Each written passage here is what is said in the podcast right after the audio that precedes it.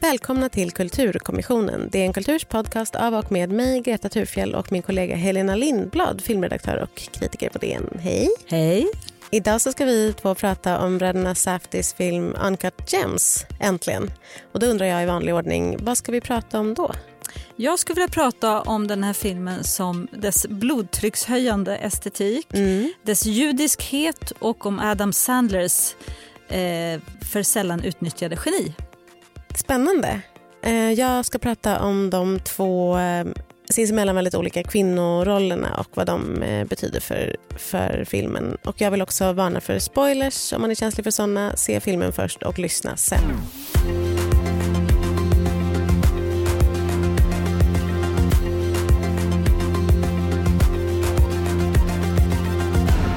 Adam Sandler spelar juveleraren och spelmissbrukaren Howard Ratner vars butik gästas av kändisar och indrivare om vartannat. Svårt skuldsatt sätter han sitt sista hopp till en svart opal från Etiopien och lyckas omedelbart förlora den till en skrockfull basketspelare. Samtidigt slits han mellan sin hatiska hustru och älskarinnan som arbetar i butiken.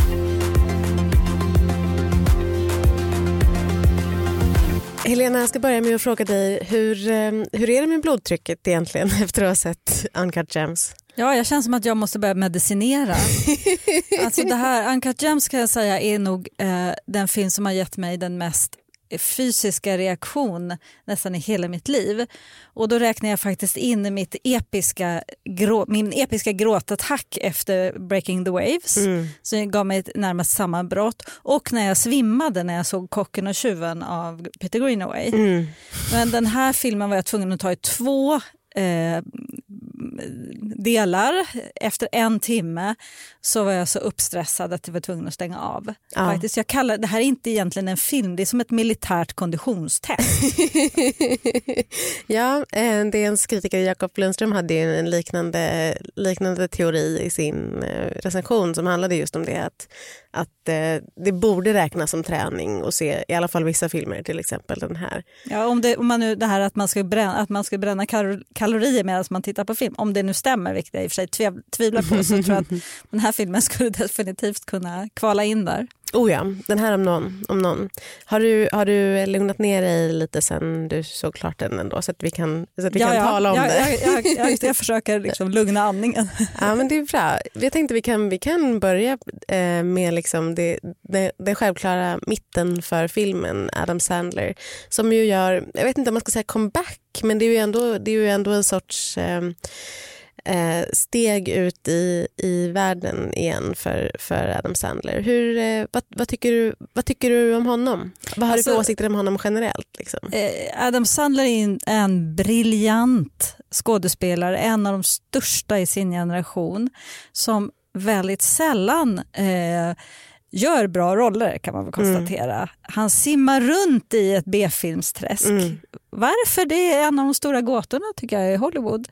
Eh, men han har gjort under, över tid kanske några av, av den amerikanska filmens mest fina roller. Mm. Och då tänker jag på till exempel eh, Paul Thomas Andersons Punch Drunk Love, eh, Judd Apatows Funny People och, och nu på senare tid Noah Baumbachs The Meyerowitz Stories som ju har ett släktskap med den här för att det också är en judisk historia. Mm, mm. Men han har ju för vana vid att, att spela just, eh, vad ska man säga, eh, traumatiserade medelålders män med, med ganska stora problem. Ja, han har, han har liksom kunnat, göra det, kunnat göra det länge också, spela medelålders män på något vis. Absolut. Ja.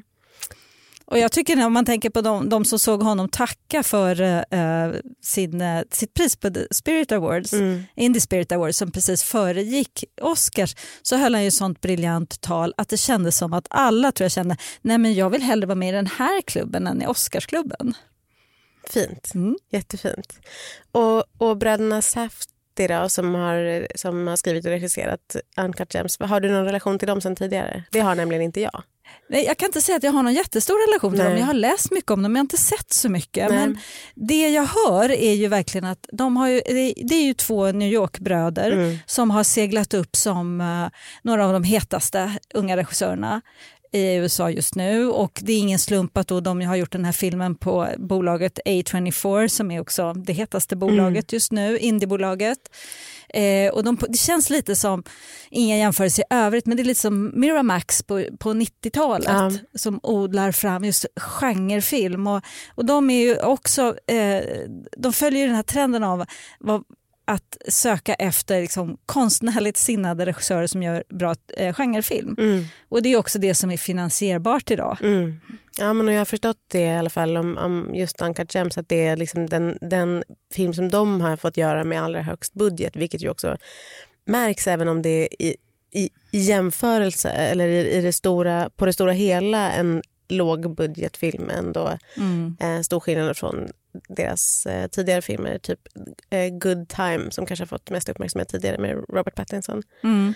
Men de är, ju, de är ju dokumentärfilmskillar, det ska man komma ihåg också. Mm. Det brukar vara en bra skola. Då brukar man ha liksom en, en autenticitet i kroppen som jag tycker de definitivt har här. Men här har de ju också en slags, de, är, de är, befinner sig i en slags teknisk lyxklass här. Inte minst när det Verkligen. gäller eh, fotografen Darius Conjay som ju är en av de som- stora namnen.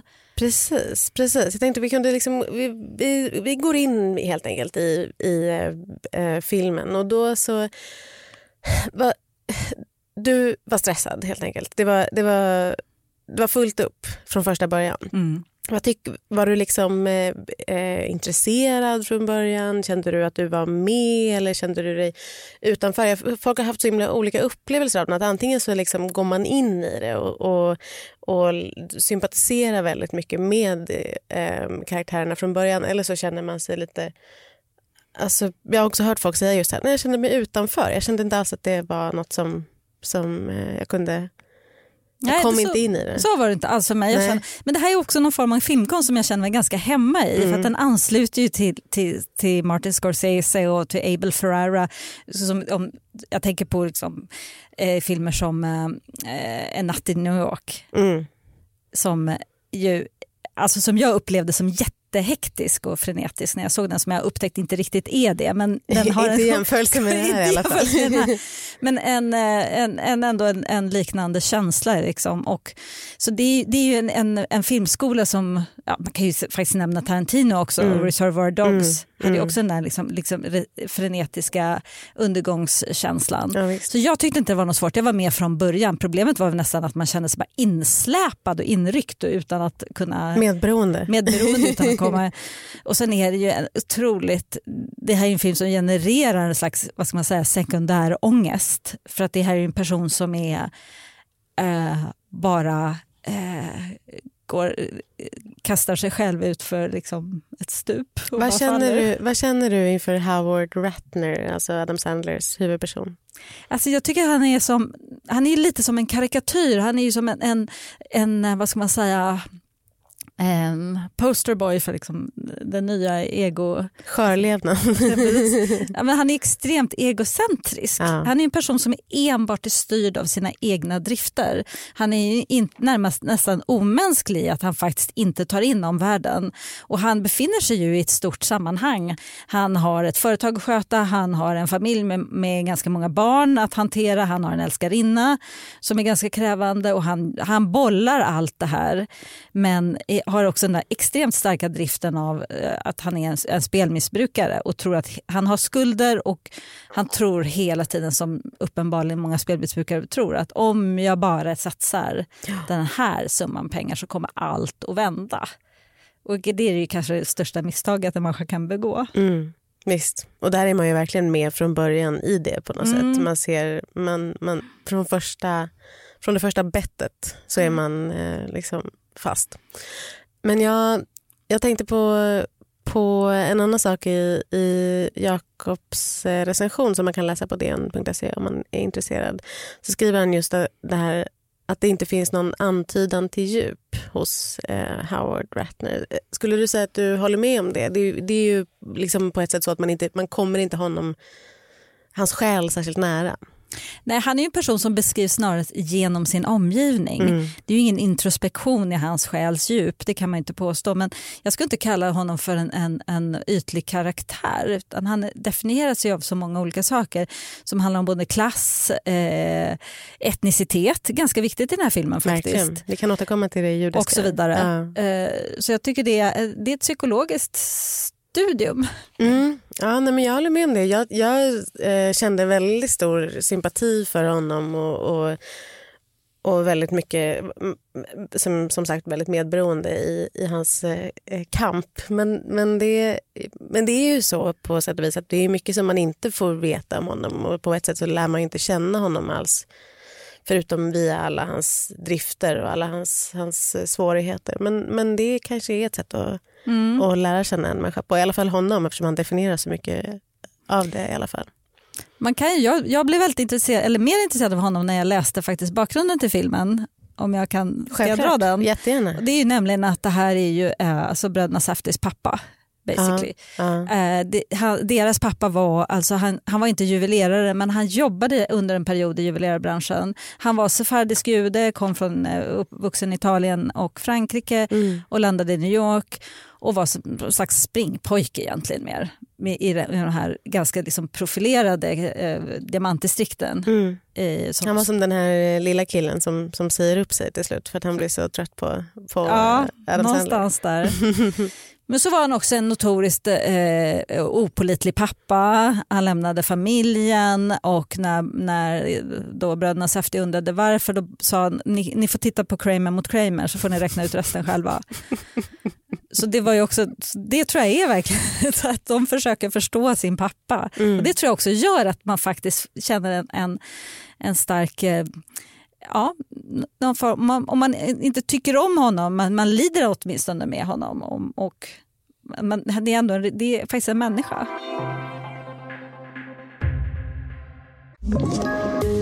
Poddtips från Podplay. I podden Något Kaiko garanterar östgötarna Brutti och jag, Davva, dig en stor dos skratt. Där följer jag pladask för köttätandet igen. Man är lite som en jävla vampyr. Man har fått lite blodsmak och då måste man ha mer. Udda spaningar, fängslande anekdoter och en och annan arg rant.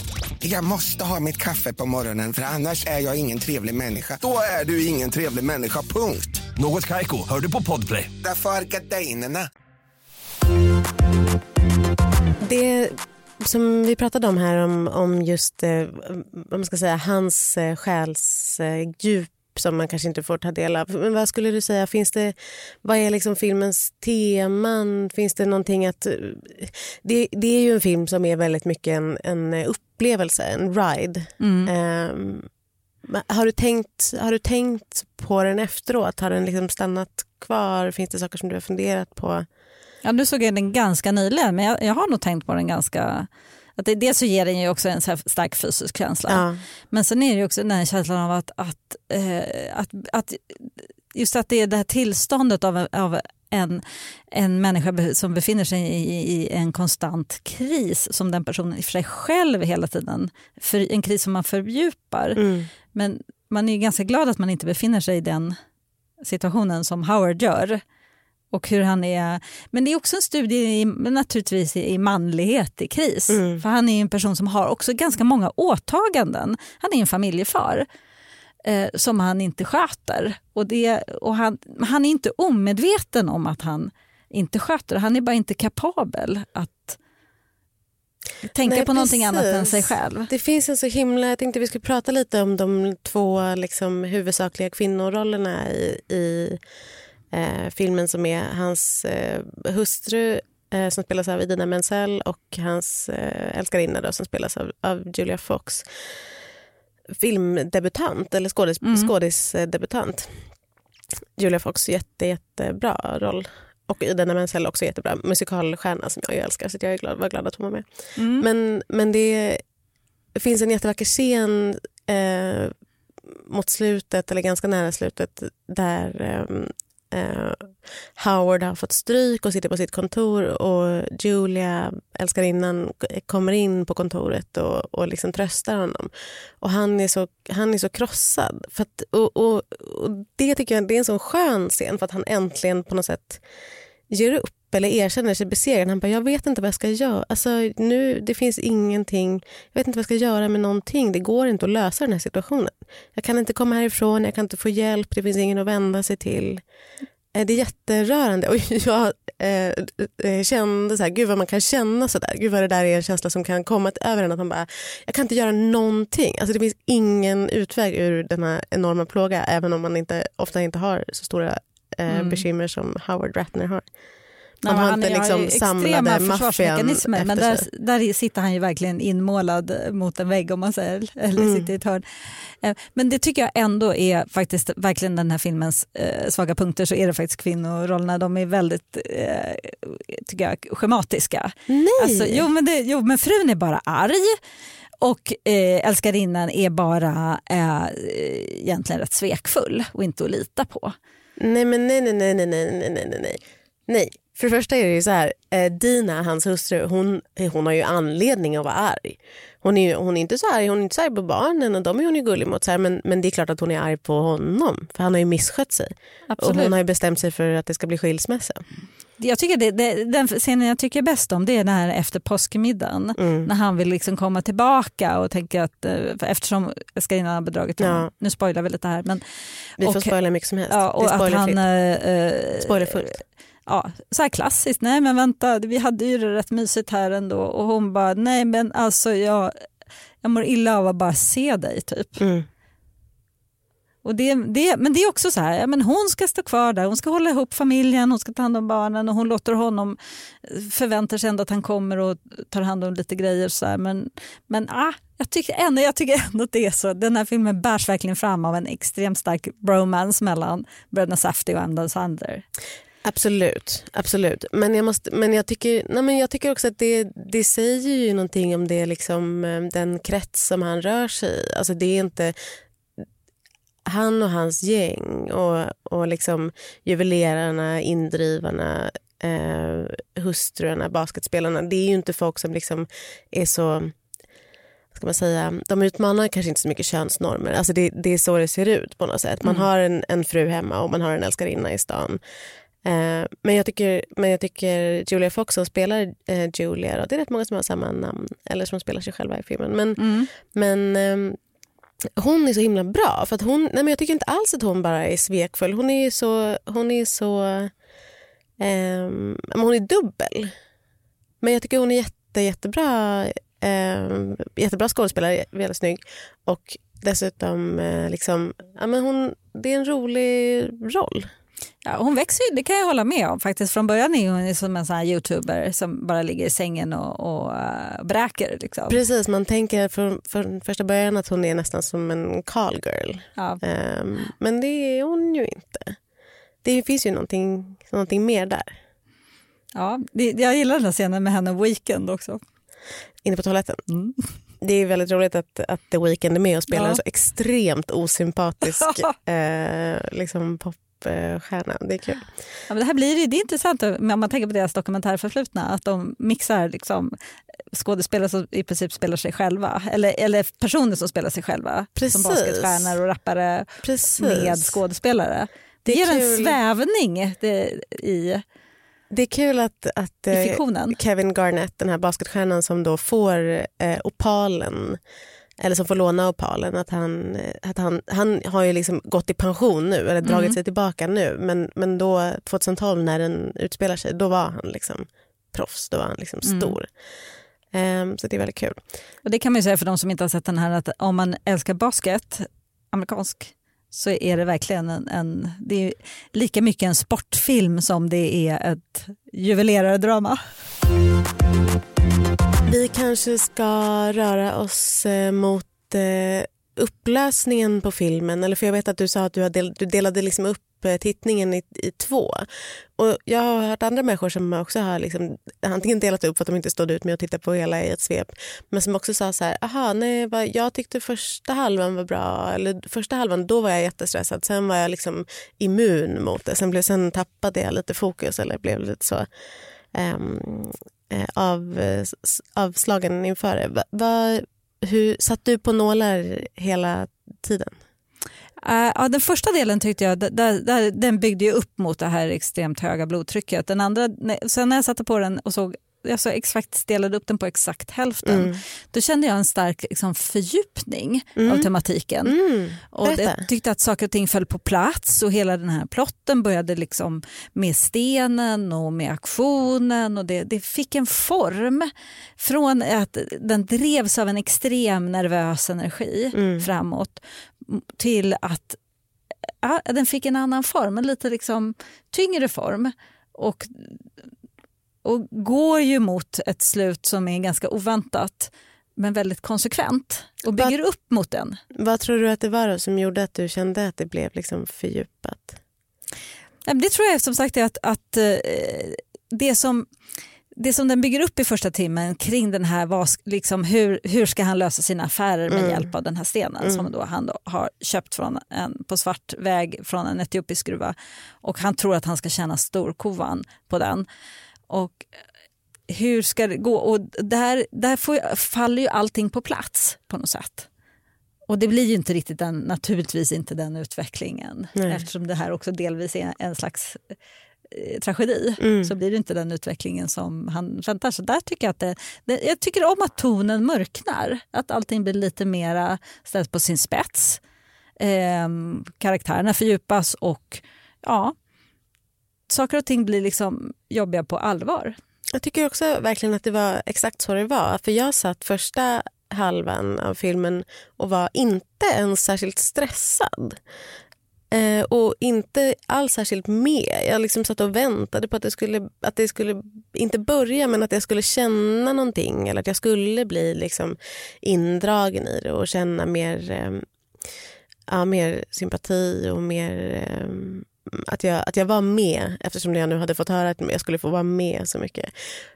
Och sen så hände det plötsligt liksom i, i någon scen, kanske den här scenen inne på kontoret som jag tycker är underbar mellan eh, Adam Sandler och Julia Fox. Men, men, den, men det kan ha varit lite tidigare också. Jag tänkte bara just på det där att, att det är någonting som händer och sen så genom, som genom ett trollslag så, så har man plötsligt så otroligt starka känslor för karaktärerna som man inte har, mm. har liksom brytt sig särskilt mycket om innan. Men också för liksom, hur det ska gå.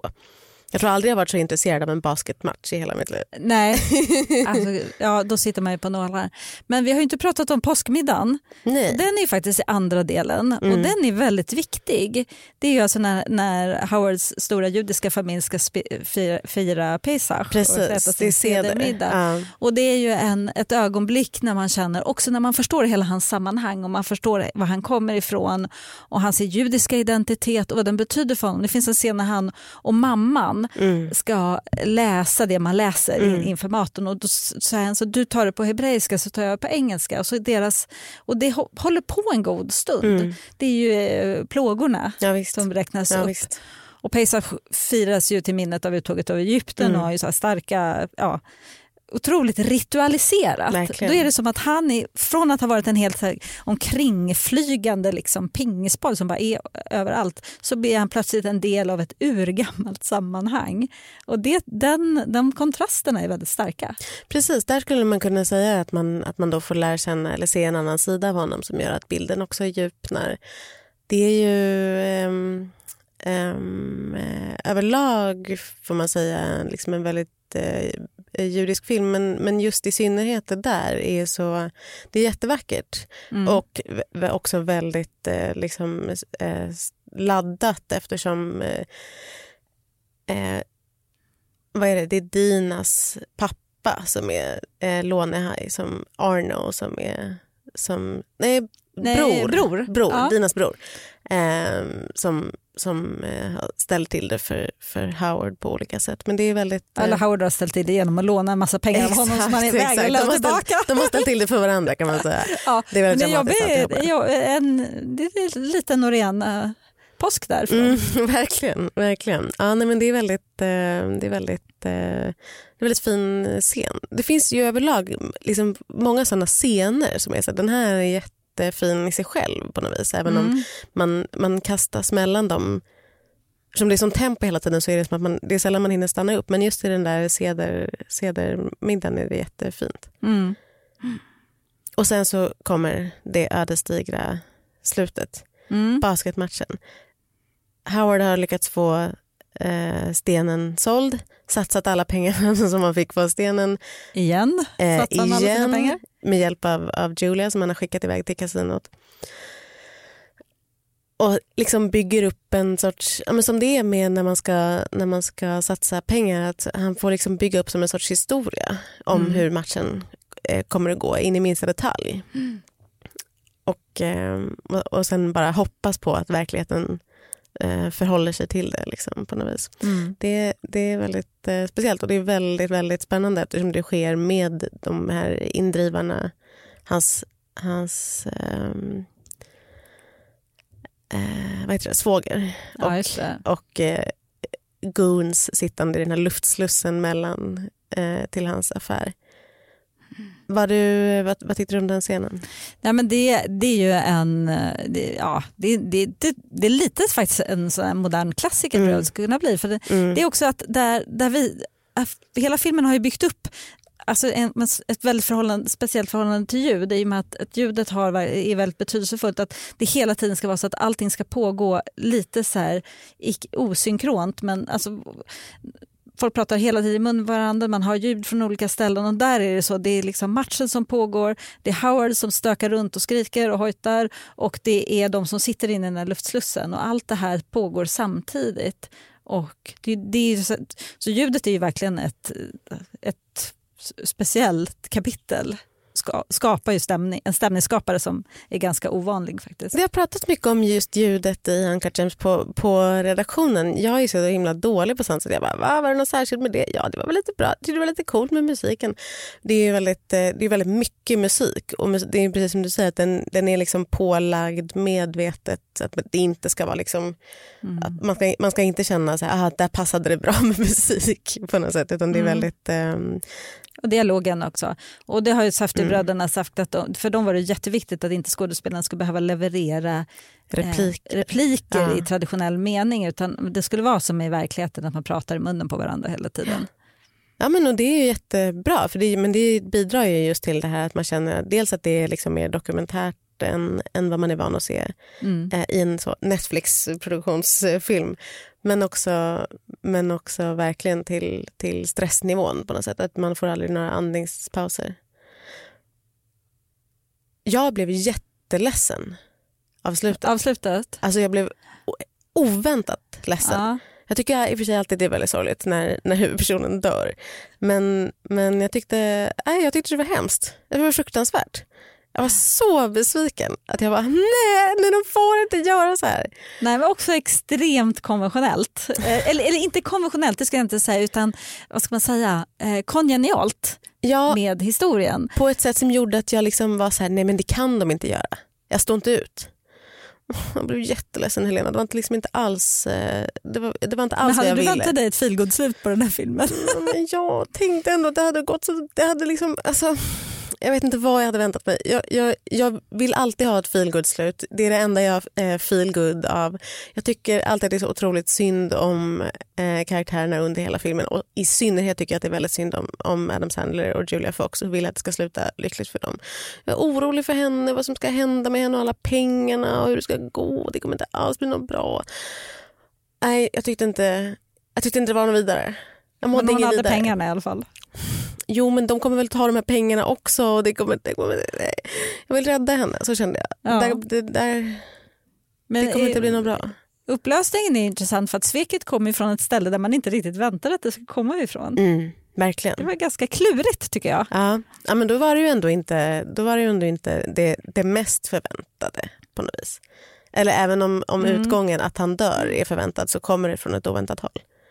Men jag blev oväntat eh, också ledsen över eh, Eric Bogosian, denna faktiskt ett särpräglade skådespelare som man har sett alldeles för lite av, som, Mm. som slog igenom i, i um, Oliver Stones Talk Radio Mm. och sen inte har gjort jättemycket men alltid väldigt rolig att se. Han var med i Billions till exempel lite Mm. grann. Mm. Eh, men honom skulle man utnyttja mer. Han spelar Arno, då, den här indrivaren. Vem skulle du säga är liksom, eh, alltså, eh, är han din favorit? Vem tycker du liksom var den som du kommer ta med dig eh, från, från din tittning? det är ju förstås Adam Sandler. Du, eller du tänker på? Nej, nej, nej, nej, jag tänker på Julia Fox. Men, Ja, ja, men, men, okej. jag, men Ja. jag har lite problem med Adam Sandler. Måste jag, Ja, säga. Jag, tycker, ja. jag sympatiserar mycket med hans karaktär men jag, det dröjde rätt länge innan jag orkade se Uncut Gems just för att jag tänkte så här, jag kommer inte orka titta på hans ansikte så länge.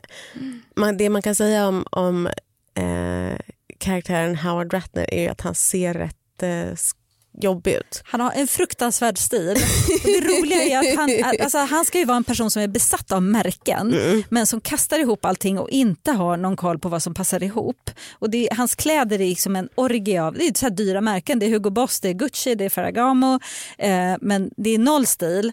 Sen kan man säga att Det är här lapparna kvar. lapparna kvar bak i nacken. Han vill att folk ska se. Mm. Han är väldigt upptagen av, av liksom, han är en person som har haft mycket pengar men blivit av med dem. Mm. Och en sån här nyrik liksom. men ingen koll och ingen stil. Nyrik och nyfattig Uppkoppling, på något ja, vis. Ja, På samma gång.